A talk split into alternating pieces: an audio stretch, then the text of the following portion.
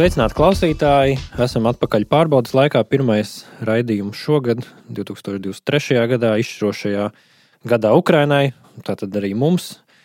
Un šodien daļēji, un varbūt arī tiešā saistībā ar, ar visu šo notiekošo pie manis, ir uh, uz sarunu atkal ieradusies. Uh, ļoti priecājamies Lijāna Langas. Sveicināta! Labvakar!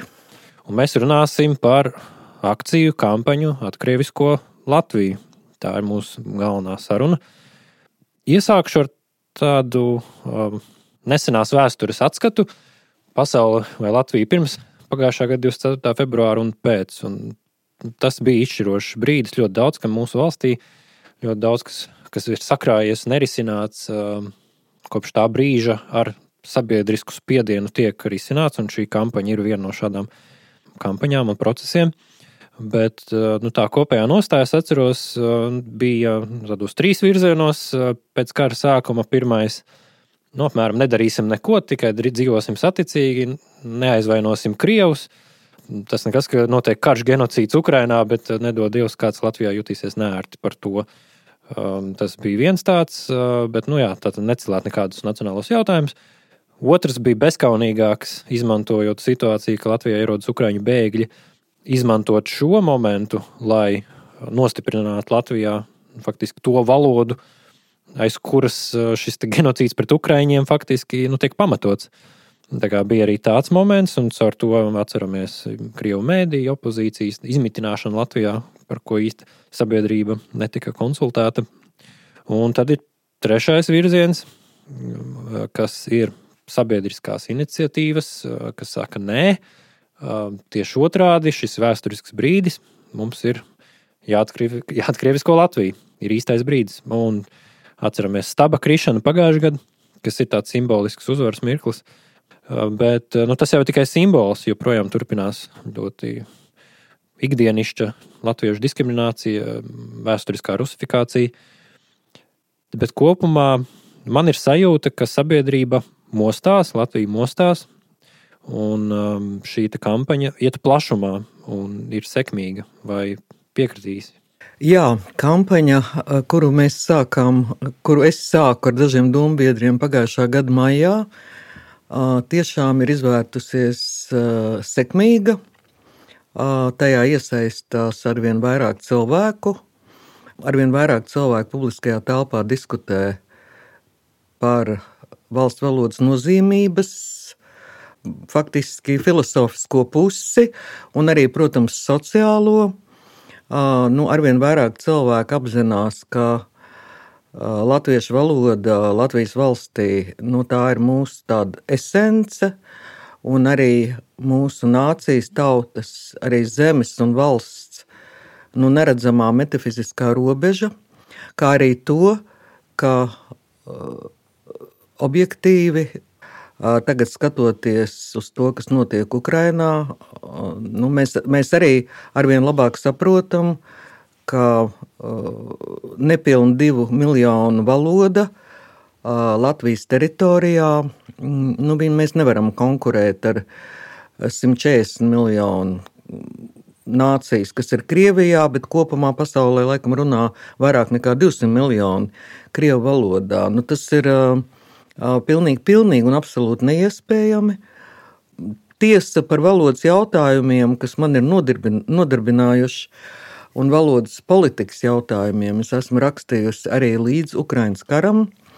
Bet, protams, šis ārprātīgais karš nu, pavēra tādu iespēju logu rīcībai, kā arī daudz tiešākai valodai, retorikai, nu, kas ir iespējama tikai nu, kara laikā. Mēs jau zinām, kā tas sākās, kad pas, pasūtīja krievu kuģi. Un, nu, vienkārši tas kļuva sauklis uz, uz tēkrakliem un beisbola jakām un uz cepurēm. Nu, Tātad karš, jā, kara laikā ir cita veida valoda, Un arī nu, mēs savā kampaņā atļāvāmies daudz tiešāku, daudz uzrunājošāku uh, retoriku. Ja, teiksim, pirms diviem gadiem to uzskatīt par kaut ko ārprātīgu, tad nu, tagad, protams, daļa publikas bija ārkārtīgi arī šokēta. Nu, pirmkārt, jau par to spēcīgo vārdu, ko mēs ieviesām un arī izgudrojām zināmā mērā, kas ir vārda derusificēt, nu, latviskojums atkrieviskot. Nu, daudziem tas asociējās ar, ar, ar kaut ko vērstu tieši pret krieviem, kā cilvēkiem vai kā tautību. Nu, tad nācās arī um, diezgan ilgi skaidrot, um, ko šis vārds nozīmē. Un, nu, man ir jāsaka tā, ja, ja, ja īsteno kaut kādu kampaņu, un ja nav laika komunikācijai, tādai pamatīgai komunikācijai, ar, arī neformālai, uh, ar cilvēkiem, tad vispār nav vērts neko rīkot, jo tam nebūs nekāda rezultāta. Un es domāju, ka kampaņas panākumi ir tādēļ, ka es ieguldīju ārkārtīgi daudz laika tieši komunikācijai. Jā, nu, to var arī redzēt just, tāpēc arī ir gan pozitīvas, es teiktu, pārsvarā pozitīvas atsauksmes, bet nu, ir arī, protams, šīs kampaņas pretinieki, to var just, un mana cieņa un pateicība par uh, nepaļaušanos šiem iebiedētājiem, kauninātājiem, kuri pat kara apstākļos satrauksies, vai tikai nu, kāds, kāds nav aizvainots par to, ka Latvijā jārunā latviešu. Tā kā tas viss ir, manuprāt, ļoti sekmīgi un tiešām pārdomāti izstrādāts un realizēts. Un, jā, droši vien nu, tā jau klasiska tēze. Uh, nevar ārstēt slimību vai, vai uh, risināt problēmu, ja tu viņu nevar nosaukt vārdā. Un, man liekas, tā tieši atkrievisko mm -hmm. ir tas īstais vārds. Un tā nav atkrievošana, tas nav pret cilvēkiem vērsts, tas, uh, tas ir vērsts pret vēsturisku un šodienas netaisnību. Tā es to vismaz redzu. Uh, bet, uh, bet jā, nu skaidrs, jā. Nu, ne jau mums Latvijā ir problēma ar poļu, lietuviešu vai igauņu valodām. Nu, skaidrs, ka latviešu valodas pozīcija, jā, ir angli, angliskošanas, tas ir cits te, temats. Skaidrs. Tas ir atsevišķs temats. Angļu valodas ietekme, mm -hmm. bet nu, tas nav jā, salīdzināms ar, ar, ar šo te. Un es arī nesen uzgāju savus vecmāmas māsas skolas laika dienas grāmatu no 50. gadiem. Un es vienkārši redzu to netaisnību, un, un, un tas ir vaiprātīgi bērnam pirmajās klasēs sešas dienas nedēļā, to laiku skolā, un sešas dienas nedēļā krievu valodā jāmācās, un papildus tam vēl partijas propaganda. Un joprojām mēs no tā netiekam vaļā 30 gadus brīvā valstī. Nu, rusifikācija vienmēr ir bijusi Krievijas varas instruments. Valoda ir viennozīmīgi šīs varas instruments. Vispirms ir rusifikācija, pēc tam ir okupācija. Un kā mēs to redzam, pieredzam arī Ukrajinā. Un, nu, man jāsaka, latviešu tauta, nācija, nu, mēs esam ārkārtīgi traumēti rusifikācijas dēļ. Mēs esam tikuši rusificēti tuvu simt gadiem. Pirmais milzīgais rusifikācijas vilnis sākās 1880. gadā, kad Latvija iegāja Krievijas impērijas sastāvā momentā visas skolas latviešu valodā tika likvidētas, un skolās Latvijas, un gimnājās latviešu valodā runāt bija aizliegts. Un tad, tad arī tajā laikā radās tie, tās slavenās kauna medaļas un kauna dēļi. Mm, es nu, krieviski es šodien runāju latviešu valodā, ko lika kaklos jauniešiem par runāšanu latviešu valodā, lika stāvēt uz zirņiem kaktā ārprātīga pazemošana. Nu, labi, tas kaut kādā lielā mērā nu, izbeidzās ar, ar mūsu valsts nodibināšanu, tad mēs varbūt mazliet uzelpojām, bet arī tad latviešu valodas, pro, par, par latviešu valodas problēmu ļoti labi publiski reflektēja jaunākajās ziņās, manuprāt, 21. gadā vai 22. Jānis Akuraters kurš bija ļoti noraizējies, ka valsts valodas jautājums netiek um, attīstīts.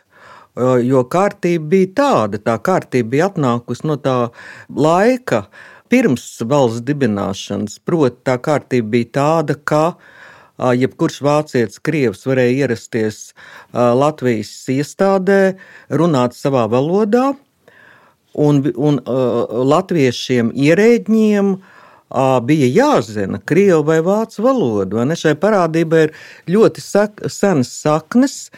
Nu, un par padomu okupācijas periodu pat nerunājot. Kad uh, man stāstīja mm, viens vīrs gados, seniors, viņa um, radinieks strādāja 40. gadā, man liekas, Latgalē kādā pastu nodaļā, Un tad, kad uh, ieradās okupanti, tad uh, pasdarbiniekiem pateica, ka viņām trīs dienu laikā ir jārunā krieviski, vai arī viņas zaudēs darbu. Tas bija burtiski terors. Un uh, šī terora teiksim, atbalstis latviešos ir ļoti dziļas.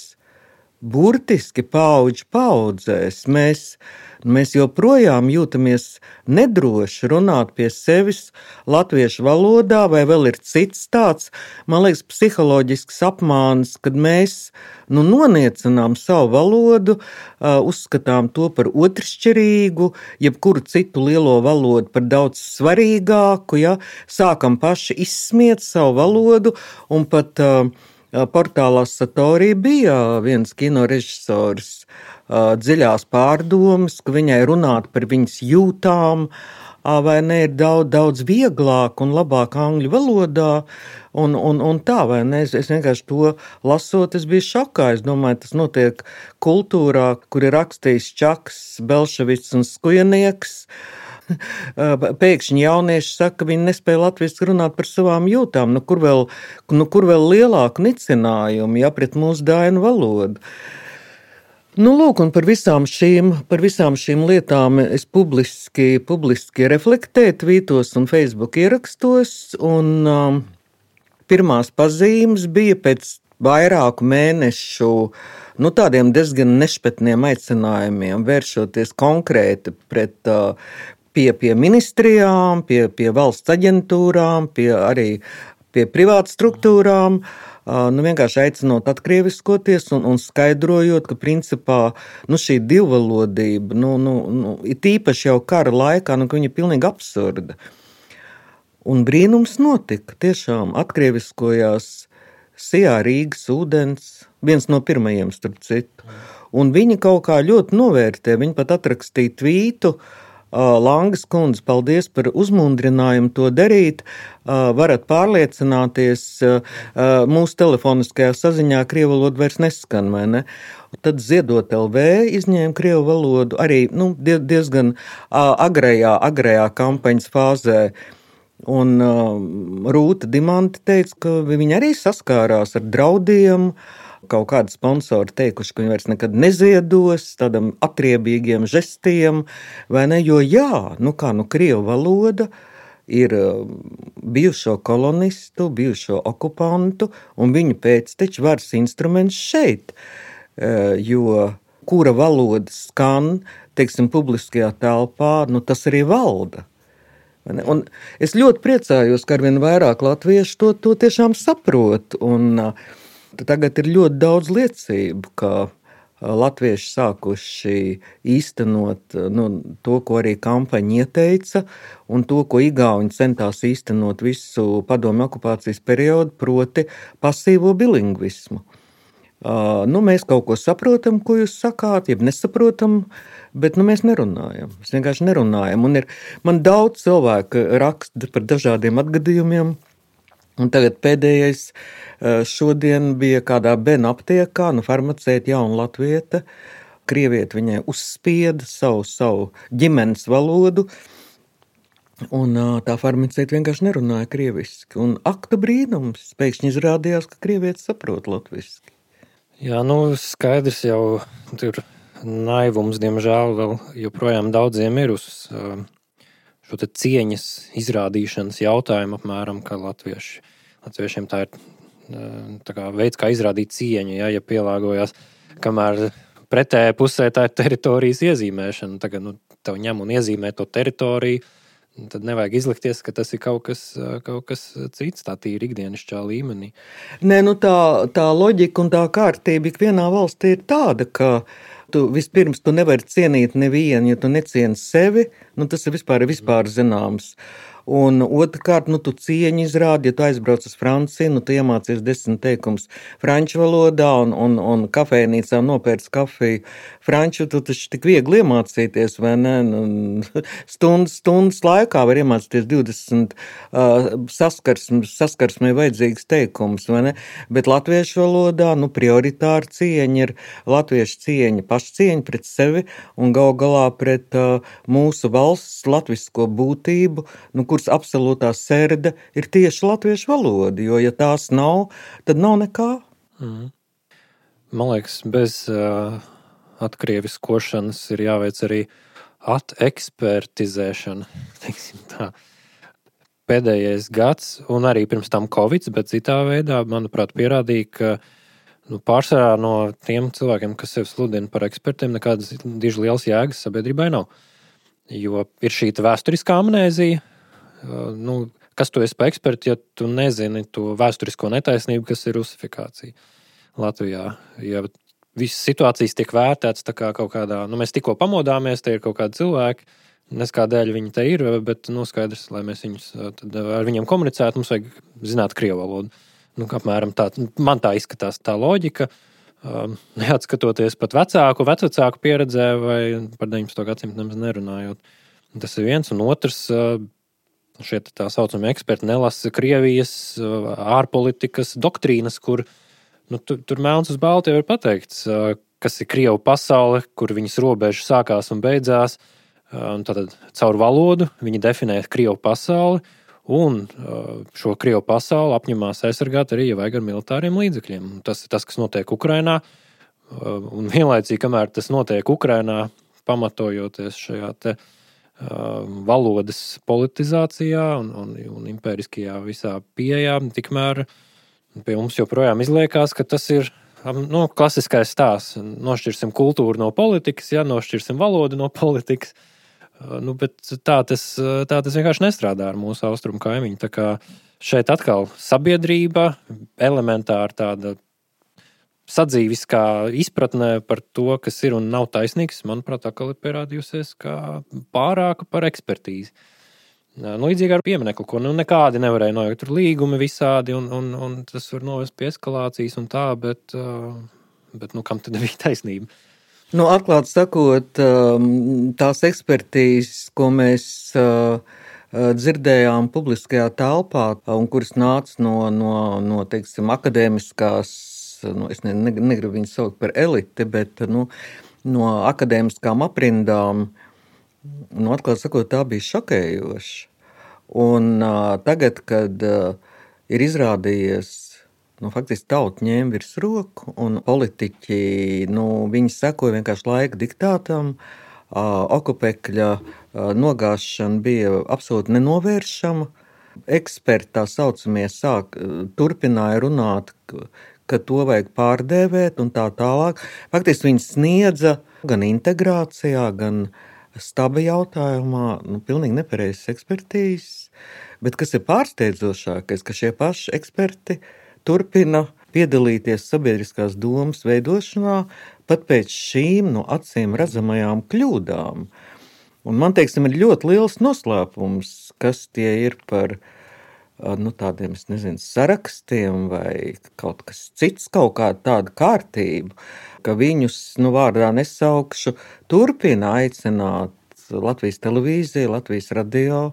Tas atklāti sakot, rada ļoti daudz jautājumu.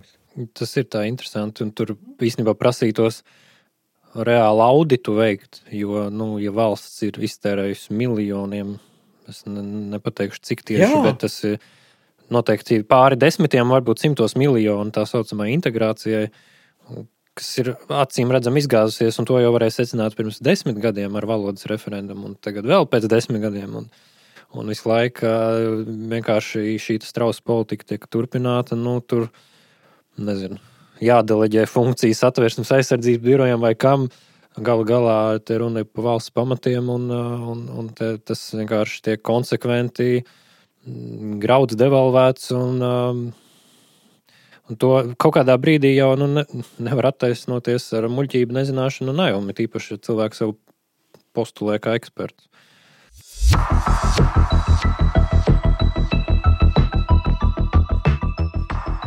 Bet man jautājums par politiķiem, jo mans iespējas ir, ka kopš Ukrainas notikumiem, nu, droši vien arī iepriekš, bet it īpaši kopš šiem notikumiem, um, politiķi skrien nopakaļ sabiedrībai.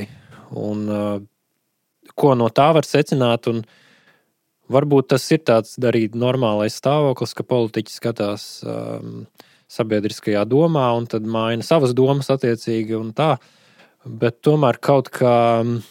Demoralizē zināma kaut kāda pasivitāte. Un tas, protams, ir iepriecinoši, ka sabiedrība ir modusies, bet gribētos tomēr, lai arī politiķi mostās. Lai nav tā, ka nu, faktiski cilvēki savā brīvajā laikā, Twitterī, un cik tas ir brīvs arī jautājums, aiz eh, patriotismu, aiz pašiniciatīvas dara to, kas ir jādara tiem, kas ir ievēlēti pārstāvēt latviešu un Latvijas arī tautas intereses. Tā kā, jā, ko, ko ar politiķiem darīt?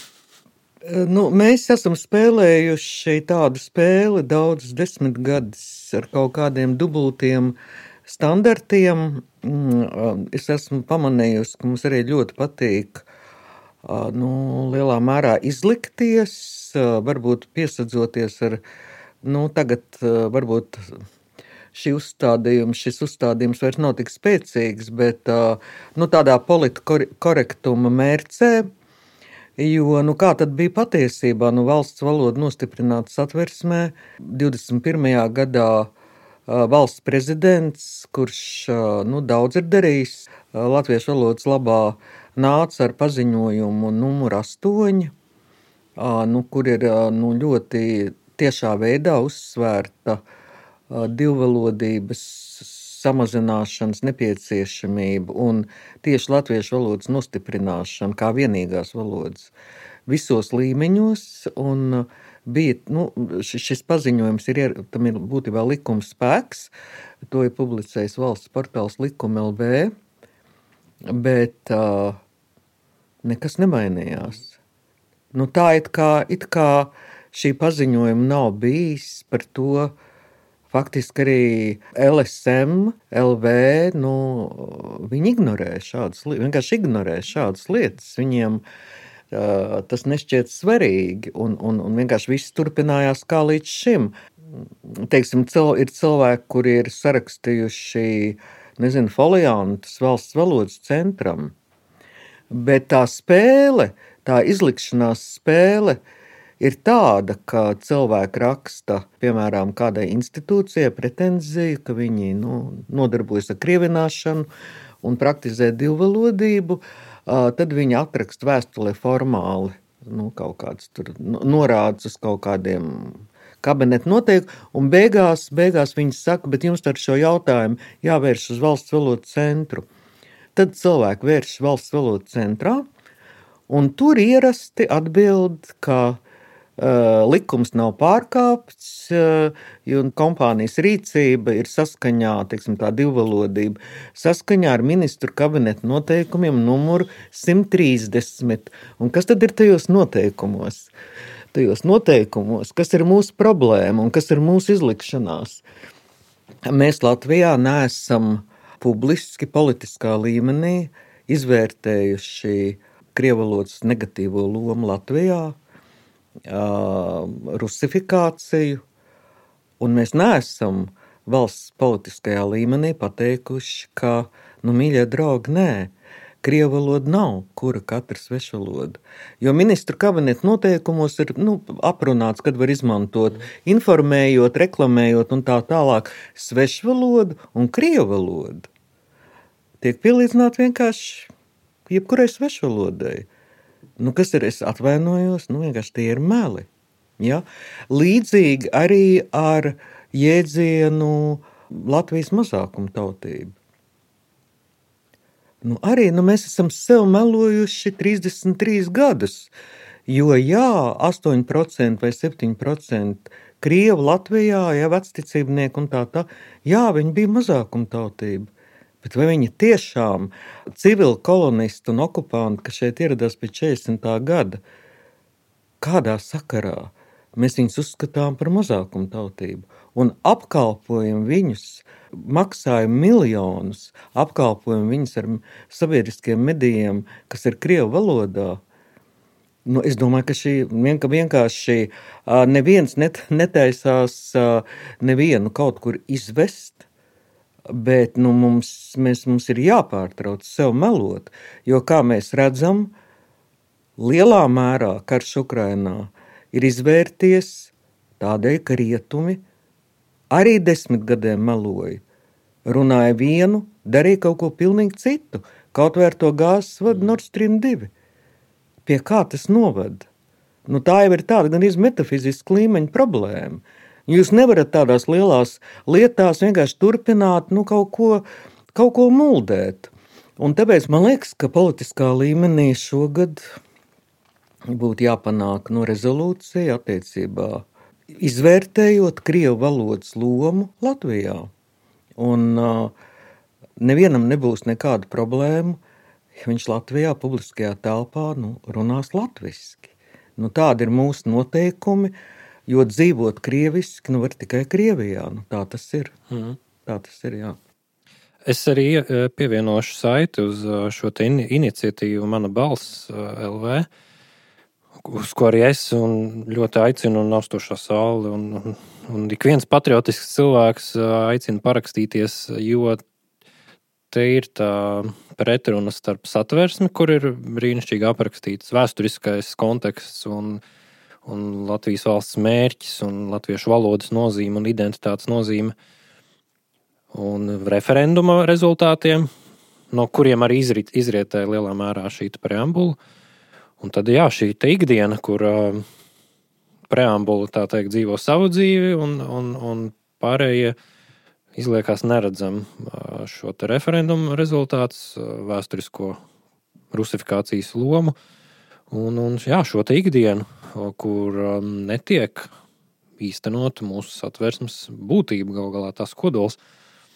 Un es ceru, ka šis likums būs nu, tas starposms, kas novadīs to uh, Latvijas valsts būtību un virsmērķi un vēsturiskās netaisnības uh, novēršanu līdz šim ikdienas līmenim. Un tur ir ļoti konkrētas lietas minētas, kā to izdarīt. Un tieši jā, es, es arī, protams, pievienojos šim vērtējumam par krievu valodu Latvijā, ka tā nav mazākuma tautības valoda. Nu, kāda mazākuma tautība tīpaši? Nu, to saka cilvēki, kas garā un pārliecībā ir ļoti globalizēti un internacionāli. Un tad, lai viņi paskatās to nu, reālo spēku samēru - 2 miljonu tautu un 200 miljonu valoda. Nu, kurš tad ir mazākumā? Skaidrs, ka valoda neievēro gluži valstu juridiskās robežas, likumiskās, ir īpaši, ja mums vairums radiostaciju ir krieviski, un, un ir visas šīs mūsu pašu nespēja tikt ar to galā. Bet, nu, tiksim galā. Tas ir mans aicinājums un cerība. Pagājušajā gadā nogāzām stabu, tad šogad nu, šis likums, pozitīva tāda iniciatīva, būtu tas, manuprāt, mērķis, uz ko tiekties. Lai... Galu galā arī Ukrāņi jau cīnās par mums, un viņi devuši ar savām asinīm un ciešanām mums vēsturisku iespēju atrisināt mierīgā ceļā to, kas nav atrisināts, un būt vienkārši nožēlojami un, un, un, un grēcīgi neizdarīt bez kaut kādas nu, pārcilvēcīgas piepūles. Vienkārši jāparakstās, jāaicina, jā, jāretvīto visas šīs iniciatīvas, kamēr, kamēr tas ir izdarīts. Tas ir mans aicinājums noteikti arī klausītājiem. Jā, paldies, Raivi. Nu, jaunajā, tas ir šajā gadā, nu, mums mērķis ir nu, faktiski Latvijas publiskās telpas pilnīga atkrieviskošana. Man jāsaka, augstākajā līmenī nu, mēs esam panākuši ļoti daudz, jo uh, Būtībā valsts pārvalde ir pilnībā atkrieviskojusies. Es esmu atsevišķiem ministriem ļoti pateicīga. Nu, piemēram, Gatam Eglītam, kurš viens no pirmajiem spēr šo soli un atkrieviskoja arī padotības iestādes, un arī darba inspekcija sāk strādāt nu, daudz tā aktīvāk un sparīgāk. Un tā. Paldies viņiem par iesaistīšanos, bet arī es saņēmu uh, nu, tādu tvītu no darba inspekcijas. Um, Attiecībā uz vienu konkrētu gadījumu Jālgavas izglītības nodaļa uh, meklēja darbinieku, prasīja labas latviešu valodas zināšanas, kā arī vēlams angļu, nu, kas ir saprotami, un vēlams arī krievu valodas zināšanas. Un es uzskatu, ka nu, ir, būtu jāizliedz vispār pieprasīt darba tirgu krievu valodu, jo nu, tā vēlams tas ir eifēmisms, bet principā. Nu, ja, ja darba ņēmējs šo valodu un jaunieši tādi ir ļoti, ļoti daudzi, uh, nu, ja viņiem nav šīs vēlamās īpašības, nu, viņi vienkārši tiek diskriminēti kas arī notiek jau gadiem ilgi, kas ir ārkārtīgi liela netaisnība pret latviešu jauniešiem. Un, Darba inspekcija man atrakstīja veco labo, ka, ja viņi jūtas diskriminēti, viņiem ir tiesības doties uz tiesu. Valsts institūcija aicina tur 18 gadīgu vai 20 gadīgu jaunieti, piemēram, kurš vēlas šo darbu, uh, nu tad tiesājies ar valsti vai ne tiesājies ar Jēlgabas izglītības. Nu, tas ir galējs cinisms, Jā. kurš vienkārši nav, nu tas ir jāizbeidz. Šāda veida uh, dialogs vai šāda veida komunikācija ir jāizbeidz, jo, mīļā darba inspekcija, jūs ļoti labi saprotat, par ko ir runa. Un lūdzu, nesūtiet latviešus uz tiesu tiesāties ar savu valsti. Tā ir vienkārši nu, nekaunība. Tā mēs nedrīkstam turpināt dzīvot. Nu jā, tur pretējiem procesam ir pēc būtības jābūt darba inspekcijai. Ir jāvēršas pret uzņēmējiem un jāliek viņiem pierādīt nu, šīs valodas nepieciešamību, kas varētu būt nu, ļoti mazā procentā gadījumu. Nu, varbūt vajag, jā. Mm, nezinu, satversmes aizsardzības birojā vai valsts drošības dienestā viņiem jāmonitorē ienaidnieks, viņiem jāzina valoda. Lai gan arī mūsdienās, nu, piemēram, interneta automātiskie tulkotāji ļoti kvalitatīvi, ar vien labāk jā, viņi kļūst. Tas, jā, jā. Līdz ar to nu, skaidrs, ka realitāte ikdienā, diemžēl jau norma tā ir prasīt šo valodu, ir, lai ikdienā šiem jauniešiem liktu komunicēt ar klientiem. Nu, kas ir absurds, jo, nu jā, nu nezinu, jaunieši to krievu valodu viņiem nav jāzina. Kāpēc viņiem jācieš par okupāciju? Galu galā, kur mēs novērsām pirms 30 gadiem. Tieši tā, cilvēkam, kurš Latvijā dzīvo, pilsonim, un kurš zina tikai latviešu valodu, viņš pat var nezināt nevienu citu svešu valodu, arī angļu valodu. Nu, tagad jau gan visi zina, pateicoties internetam un tā, bet nevienam latvietim Latvijā nav jāzina, nav jārunā krieviski. Nevienam.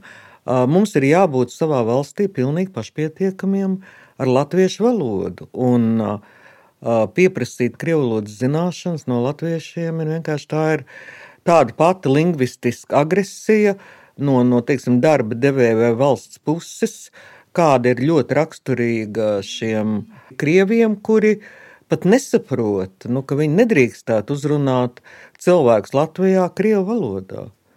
Jo krievu valodā runā Krievijā. Krievijā ok, jūs varat uzrunāt man krievisku, protams, jā, un es sapratīšu, bet Latvijā es domāju, ka cilvēks sapratīs ar vien mazāk. Nu, jā, te arī ir skaidrs, ka tā ir arī kadru politika, jo daudz kur vienkārši šajās iestādēs un, un cilvēkiem, kuriem būtu jānovērš šī lingvistiskā diskriminācija, nu, viņi ir tie, kas savā domāšanā joprojām ir aizķērušies. Tāpēc jāturpina kaunināt. Nu, tā kaunināšana, diemžēl, bet, bet viņa strādā. Viņa strādā Uh, uz šādiem cilvēkiem, kas citādāk nesaprot, uh, kam ir domāta uh, mūsu Latvija, kāds ir tās mērķis. Un, un pieņemot arī šo likumu, es ceru, ka būs vēl viens um, daudz jau spēcīgāks instruments, ar ko, ar ko to darīt. Jā, nu šis likums ir, ar kuru ik viens likuma projekts, ar kuru ik viens var iepazīties mm, iniciatīvu platformā Mana balss un aicinu to um, atbalstīt. Uh, Nu, viņš ir paredzēts jā, divvalodības novēršanai komercvidē un publiskajā vidē. Un, protams, viņš nav līdz galam sagatavots. Protams, mēs savāksim desmit tūkstošu parakstus, par to es nešaubos, un tad būs likumdošanas process. Un tā laikā mēs visi viens varēsim iesniegt savus priekšlikumus no biedrībām, individuāli un visādi sakot līdzi šī likuma izstrādēji. Un, un jā, nu šogad, šogad mums tas būtu jāizdara. Uz šīs nots vēlreiz pievienojoties un arī aicinot parakstīt, jo šī ir iespēja, izdevība un varbūt apstākļi mainīsies un politiķi atkal iesnaudīsies. Un, un Mēs neļausim dusēt, bet šobrīd ne. mēs noteikti neļausim un, un radīsim pietiekami lielu motivāciju rīkoties. Kā paldies Lienai Langai par šo akciju, par viesošanos pie mums. Paldies!